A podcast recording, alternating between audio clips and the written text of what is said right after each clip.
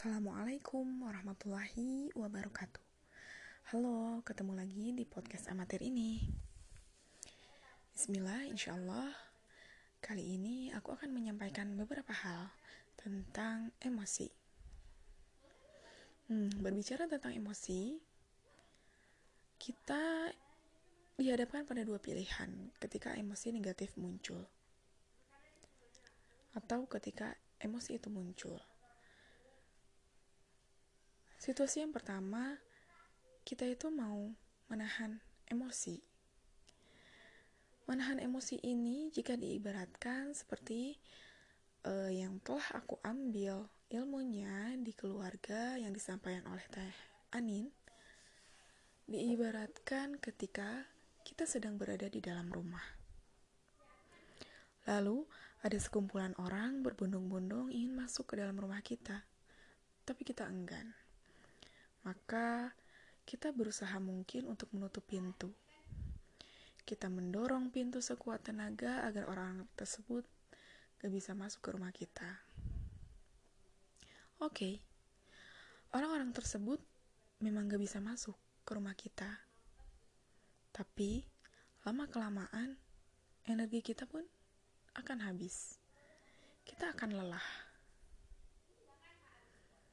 sama seperti emosi kita.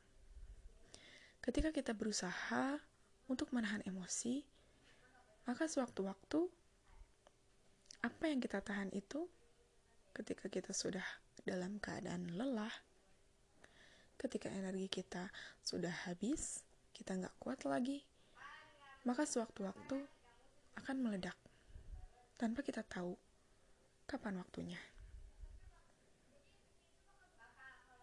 Itu gambaran bagaimana kita menahan emosi. Yang kedua, menyelesaikan emosi. Nah, menyelesaikan emosi ini juga diibaratkan sebagai sebuah ban.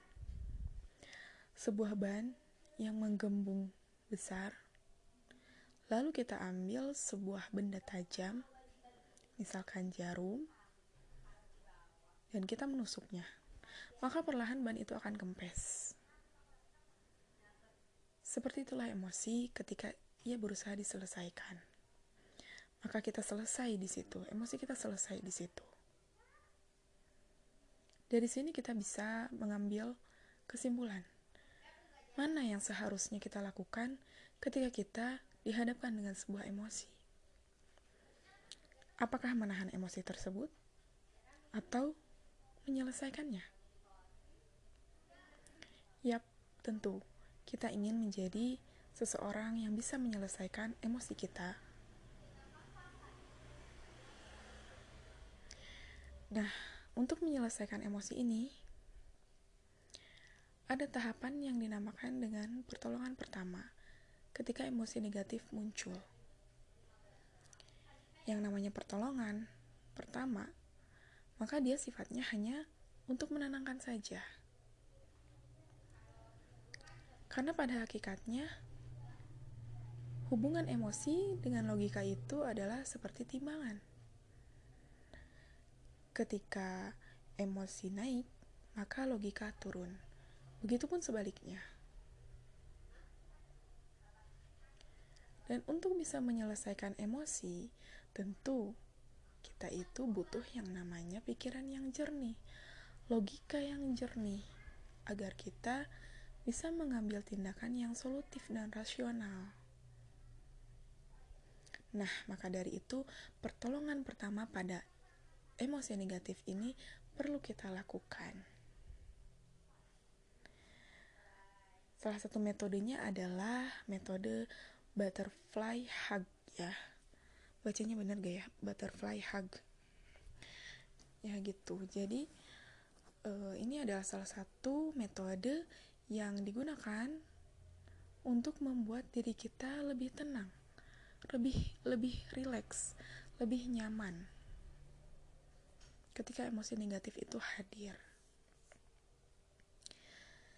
yang dilakukan adalah maka caranya adalah pertama kita cari tempat yang menurut kita nyaman. Kita cari tempat yang menurut kita nyaman di situ untuk melakukan uh, butterfly hug ini. Lalu kita duduk, tempatkan kedua tangan menyilang di depan dada, seperti uh, keadaan memeluk diri sendiri, ya. Lalu tutup kedua mata perlahan. Kemudian mulai tepuk kedua tangan secara bergantian kanan, kiri, seperti uh, seekor kupu-kupu yang mengepakkan sayapnya. Tarik nafas dalam-dalam dan hembuskan perlahan. Lakukan terus-menerus gerakan ini sampai kita cukup merasa rileks, cukup merasa tenang. Bisa juga ketika proses ini kita menambahkan afirmasi positif pada diri kita. Kita terima emosi apa yang hadir pada diri kita. Ya Allah, aku terima bahwa aku sedang marah, aku sedang sedih, kecewa, cemas, dan sebagainya. Aku izinkan ya Allah perasaan ini datang kepadaku. Bisa seperti itu ya, sambil tetap memejamkan mata, mengatur nafas, dan menepuk-nepuk dada kita dengan kedua tangan kita. Lakukan berulang sampai kita merasa cukup rileks dan tenang. Bisa 30 detik, 1 menit, atau lebih.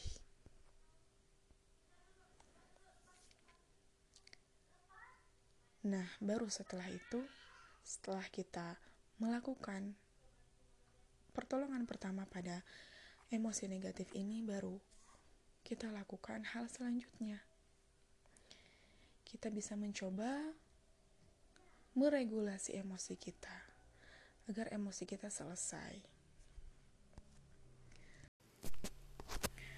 Oh iya, dalam hal afirmasi positif ini, kita perlu memahami juga, jangan sampai kita tertukar antara afirmasi positif dengan toxic positivity.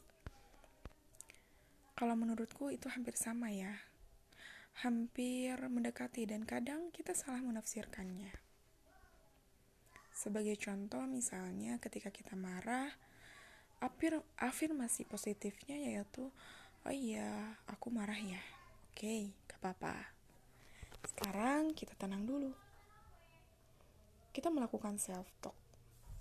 Pelan-pelan tarik nafas, okay, aku bisa melewatinya insya Allah.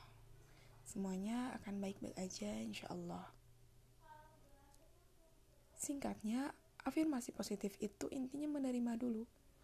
Menerima emosi itu hadir dalam diri kita. Mengakui emosi itu ada. Baru kemudian menyemangati diri sendiri dengan kata-kata positif. Nah, untuk toxic positivity ini biasanya ketika kita marah misalkan yang muncul itu adalah perkataan, "Ayo dong. Jangan marahlah. Masa hal gini aja marah sih?" Banyak kok orang yang ditimpa dengan hal ini yang lebih sulit, tapi dia lebih sabar kok. Ayolah, jangan marah nah gitu seakan-akan kata-katanya memang positif ya untuk diri sendiri tapi salahnya dia seperti menolak emosi malah menjudge diri membandingkan dengan orang lain karena sejatinya emosi itu ya tadi harus dialirkan harus di selesaikan. Nah, itu toxic positivity. Makanya kita harus paham bagaimana menerapkan afirmasi positif jangan sampai tertukar dengan toxic positivity.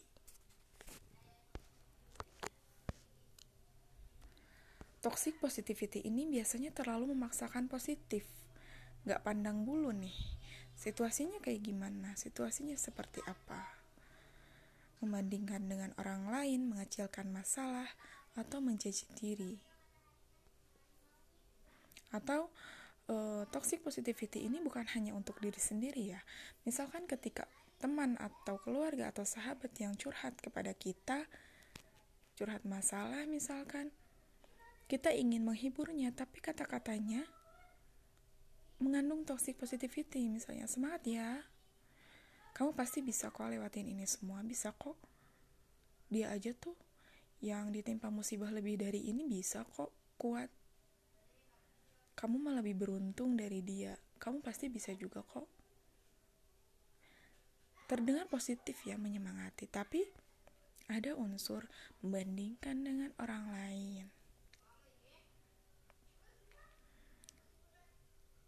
Ada unsur uh, positif yang tidak baik di situ.